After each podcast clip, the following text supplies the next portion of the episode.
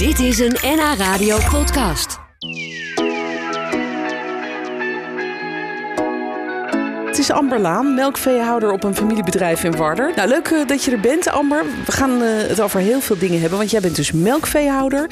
Maar je bent ook, ehm, eh, dat is in Warder. Je bent ook voorzitter van het Hollands Agrarisch Jongerencontact. En daarnaast ben je ook nog werkzaam als adviseur, adviseur duurzame landbouw. Dus het klinkt alsof jij een heel druk vol leven hebt. Ehm, nou ja, druk. Ik nou, ik kom net ook binnenstormen voor degene die eh, dat nog niet helemaal heeft gevolgd. Een beetje druk is het wel. Ik ben met veel dingen bezig. Maar het heeft wel allemaal met elkaar te maken. Met de toekomst van de agrarische sector in Nederland. Ja, dat is natuurlijk super belangrijk. jij hebt zelf eh, een melkveehouderij. Of je, of je werkt in het bedrijf. Hoe zit het? Eh, Ehm, ik ben deeleigenaar, dus eh, nou, ik ben boerendochter. Dus ik moest eh, van jongs af aan al meehelpen. Maar op mijn eh, 23e ben ik ook in het bedrijf gestapt. Dus nu deeleigenaar. ja, ja. Heb je daar nog over getwijfeld eigenlijk? Of je wel verder wilde in, eh, in het boerenbestaan? Eh, zeker. En ik denk ook dat eh, twijfelen gezond is. Dat je ook je af en toe moet afvragen van... hey, ben ik op de goede route? Sterker nog, toen ik ging studeren... dacht ik, ik wil echt geen boerin worden. Want het is echt heel veel werk. Ja. En het is altijd werk. Maar gedurende mijn, eh, mijn opleiding in Wageningen dacht ik wel... als je impact wil maken, dan kan dat in ieder geval daar op je eigen manier. En met direct resultaat. Dus Ja. zodoende ben ik er toch ingestapt. Ja, dan heb je het over impact op het gebied van duurzaamheid en ontwikkelingen in de landbouw. die, nou ja, goed, een beetje passen in. Ja, zet er maar even wat lager. die een beetje passen in de, hè, in de moderne tijd. Van eh, dat we toch kijken naar het milieu en, en stikstof en noem maar op allemaal.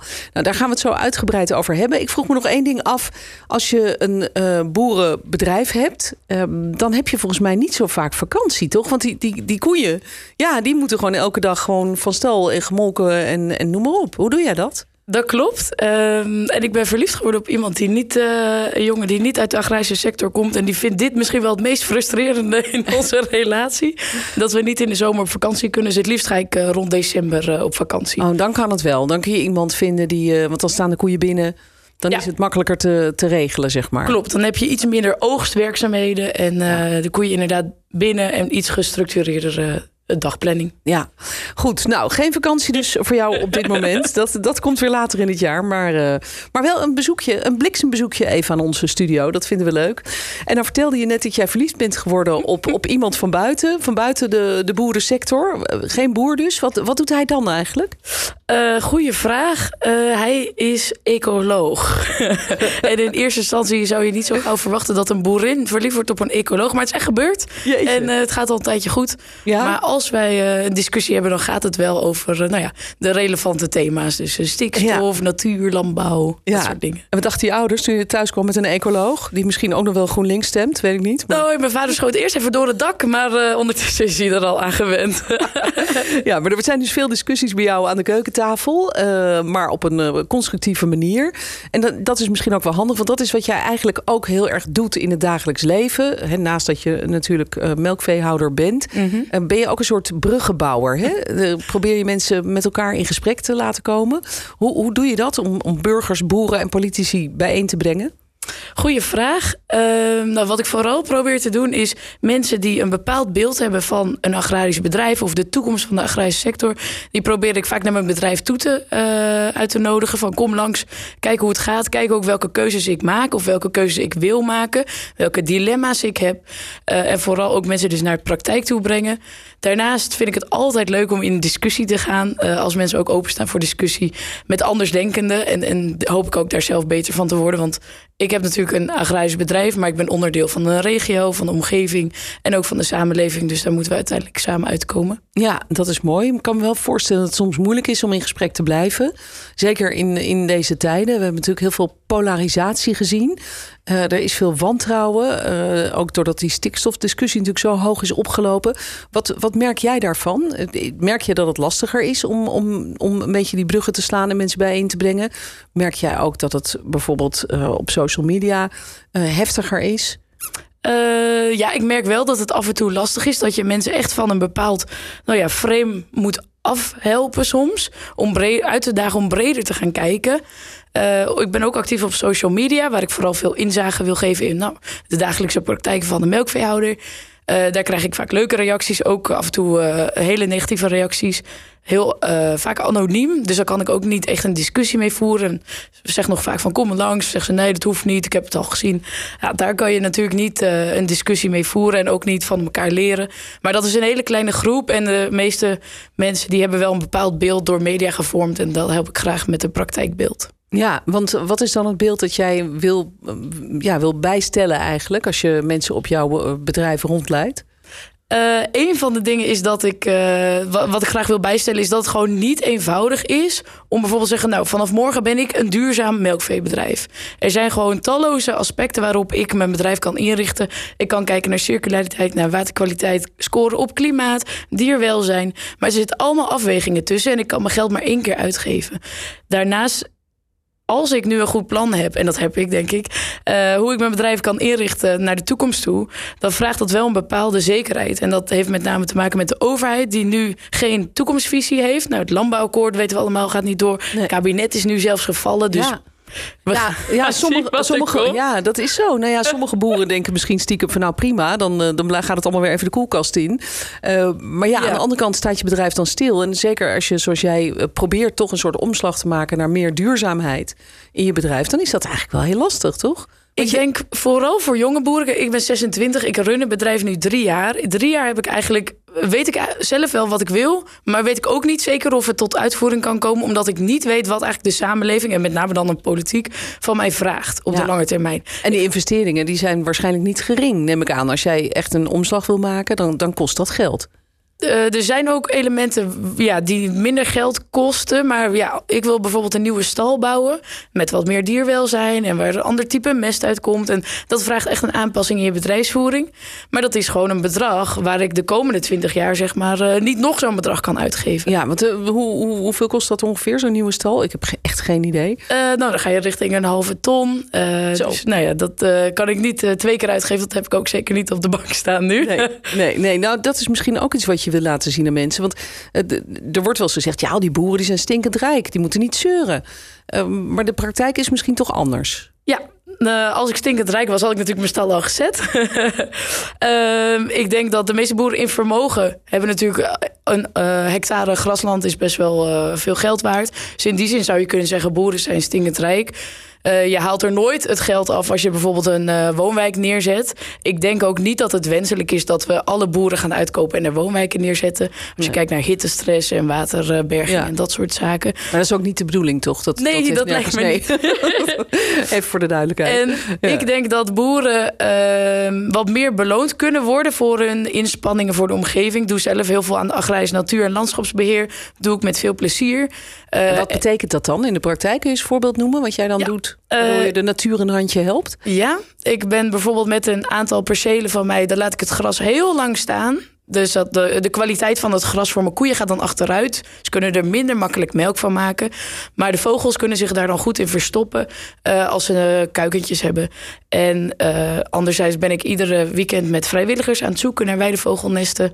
Nou, dat gaat best wat tijd in zitten. Ik ben ook adviseur. Nou, dan zie ik ook wat ik daar verdien. Dus het weegt uiteindelijk echt niet op tegen de inspanningen. En ik doe het omdat ik intrinsiek gemotiveerd ben. Ja. En als je meer mensen wil verleiden om zich in te spannen voor een omgeving, dan zal je daar iets meer tegenover moeten zetten. En zowel natuurorganisaties als agrarische organisaties willen dit. Dus dan zou je denken, nou, één en één maakt twee. Ja, ja, ja. Maar, maar niet alle boerenbedrijven willen dit natuurlijk. Want niet iedereen is zoals jij. Hè? Jij bent gemotiveerd, zeg je, om, ja. het, om het zo te doen. Om naar die toekomst zo te kijken. Maar dat geldt natuurlijk niet voor alle boeren. Er zijn zeker buiten onze provincie hebben we het over hè, grotere ja. varkens, kippen, uh, boeren. Die, die, die zitten er gewoon anders in, denk ik, in, uh, in die discussie.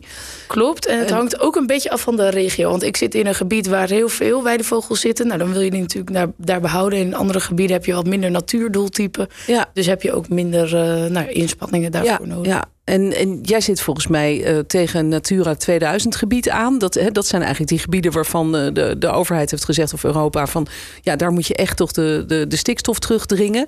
Hoe ziet de toekomst, denk je, voor jouw bedrijf eruit? Al, als het jou lukt om, om wat meer te verduurzamen, denk jij dat jij dan nog straks jouw bedrijf weer aan jouw kinderen kunt nalaten? Uh, goeie vraag. Mijn bedrijf zit in een Natura 2000 gebied. Alleen het gebied is niet stikstofgevoelig. Dus niet elk Natura 2000 gebied heeft een uh, stikstofprobleem. En die van ons gelukkig niet. Oh, dat is ook dus, nog eens een keer zo. Ja, oh, dus ja, ja. dat geeft mij af en toe wel wat uh, comfort. Want ik heb niet een stikstofprobleem in die zin. Maar de vraag of ik mijn bedrijf uiteindelijk aan mijn kinderen kan overdragen, dat is, dat is een goede.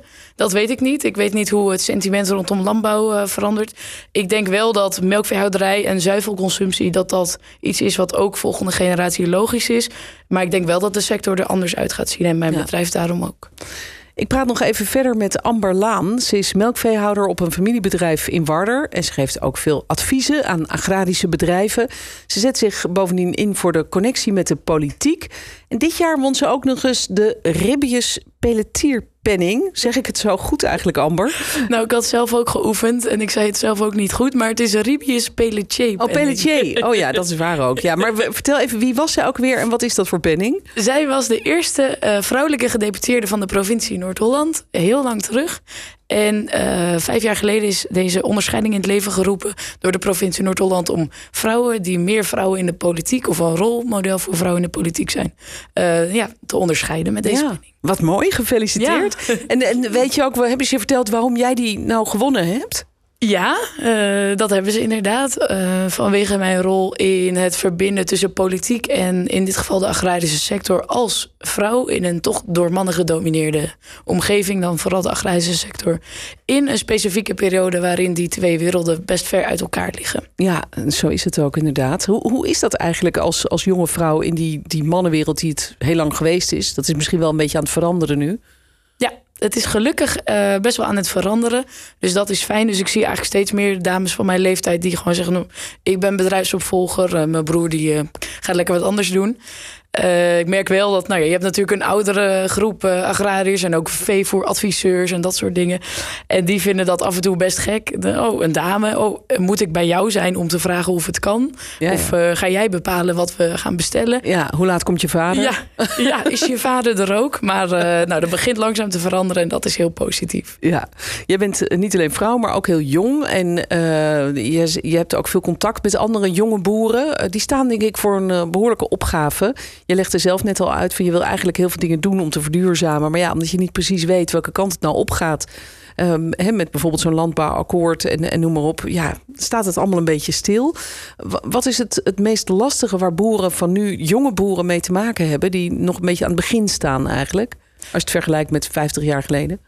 Het meest lastige voor jonge boeren in Nederland is nu dat je wel weet eigenlijk wat je zelf wil. En je ook best bewust bent van aan welke uh, opgaven we moeten voldoen. Dus we hebben klimaatopgaven, waterkwaliteit, biodiversiteit.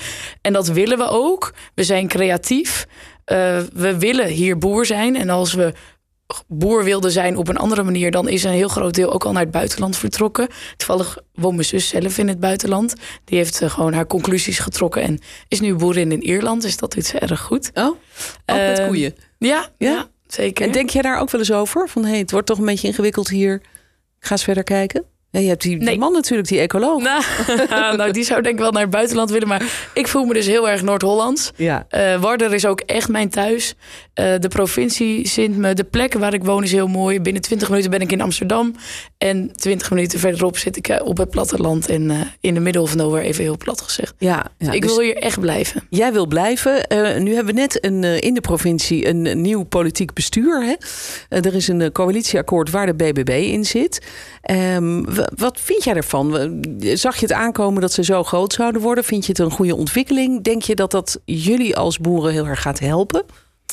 Eh, ik zag wel aankomen dat BBB groot zou worden. Niet dat ze zo groot zouden worden in iedere provincie de grootste. En ik had ook wel nog, eh, nou ja, ik zag wel het uitdaging dat de provincie Noord-Holland eh, soms, wat mij betreft, in twee delen is verdeeld. De, de ring rondom Amsterdam met nog wel stedelingen. En als je Amsterdam de ring afrijdt, dan rij je eigenlijk het platteland in met nou ja, veel bedrijvigheid en, en agrarische activiteiten. En ik had niet verwacht dat nou, BBB ook zo groot werd ten opzichte van eh, in dit geval GroenLinks en Partij van de Arbeid. Ik vind het een positieve ontwikkeling. Als ik het coalitieakkoord lees, dan zie ik dat we wel de opgave gaan oppakken waar we voor staan, maar ook dat we dat met realisme gaan doen. En ik denk dat dat deels van, uh, vanuit BBB wel ingebracht is. Ja, wat, wat hoop jij dat er echt gaat veranderen binnen de politiek? Er komt natuurlijk ook een, een er komen mhm. verkiezingen aan. Uh, we hebben geen idee welke kant het op gaat, maar wat zou er moeten veranderen voor die nieuwe generatie boeren waar jij ook toe behoort?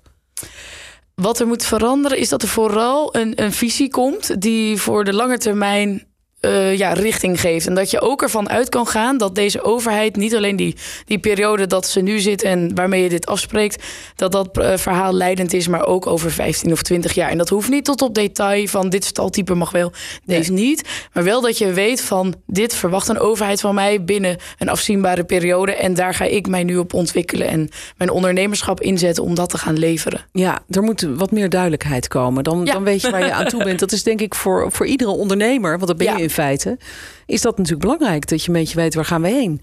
Klopt. En we hebben ook een, eh, als agrarische sector pleiten we best wel vaak voor doelsturing. Dat je eigenlijk zegt, hey, in dit gebied moet je zoveel procent eh, CO2 uh, reduceren. Stikstof moet dit omlaag, waterkwaliteit moet van zoveel naar zoveel. Uh, dit is je tijdspanne, ga het maar regelen. In plaats van dat je zegt, jij mag dit niet, jij mag dat niet, jij mag dat niet. En als, dat, als je dat allemaal niet doet, dan gaat de waterkwaliteit omhoog. Even heel plat gezegd. Ja, en ja. wil eigenlijk gewoon een stip op de horizon. Ga het maar fixen. Dan word je ook in je kracht gezet als ondernemer. In plaats van dat je allemaal maatregelen krijgt en je ieder jaar moet invullen. Nee, ik heb dit niet gedaan, dit heb ik precies zo ja, gedaan. Ja, want daar ben je misschien ook heel veel tijd mee kwijt. Met het allemaal administreren van, eh, van al die maatregelen. Ja, dus dat is eigenlijk wel een goed idee. Laat de boeren dat zelf fixen als het maar wel gebeurt. Dat is dan uh, eigenlijk het enige. Hey, jij bent een uh, goede spreker. Je hebt verstand van zaken. Heb jij niet zelf gedacht om, om misschien mee te gaan doen met de verkiezingen? Uh, nee. ik heb wel ongeveer 30 of 40 telefoontjes en appjes gehad van... Oh ja? dit is je kans, ga op een ja. lijst staan. Nou ja, bijvoorbeeld van de BBB. Ik zeg maar wat. Dat zou zeker kunnen. Uh, ik denk niet dat het uh, nu een logisch moment is... omdat ik met mijn eigen bedrijf nog veel bezig ben. Dat vraagt veel tijd van me. Ik vind het bij mijn werk heel leuk... bij het adviesbureau Schuttelaar Partners. En voorzitter van het Hollands Agrarisch Jongerencontact... vraagt nu ook veel tijd. Dus ja. ik ben in principe gewoon bezet. En misschien over een poosje dat ik daar meer tijd voor heb. Oké, okay, nou, we gaan ongetwijfeld nog veel van je horen. leuk dat je hier was vandaag. Amberlaan, melkveehouder uit Warder. Goeie terug terugreis. Ik begrijp dat je met een grote vrachtwagen bent gekomen. Dus uh, nou, goede reis. Dankjewel. Hoi hoi. Dit was een NH Radio podcast. Voor meer, ga naar nhradio.nl NH Radio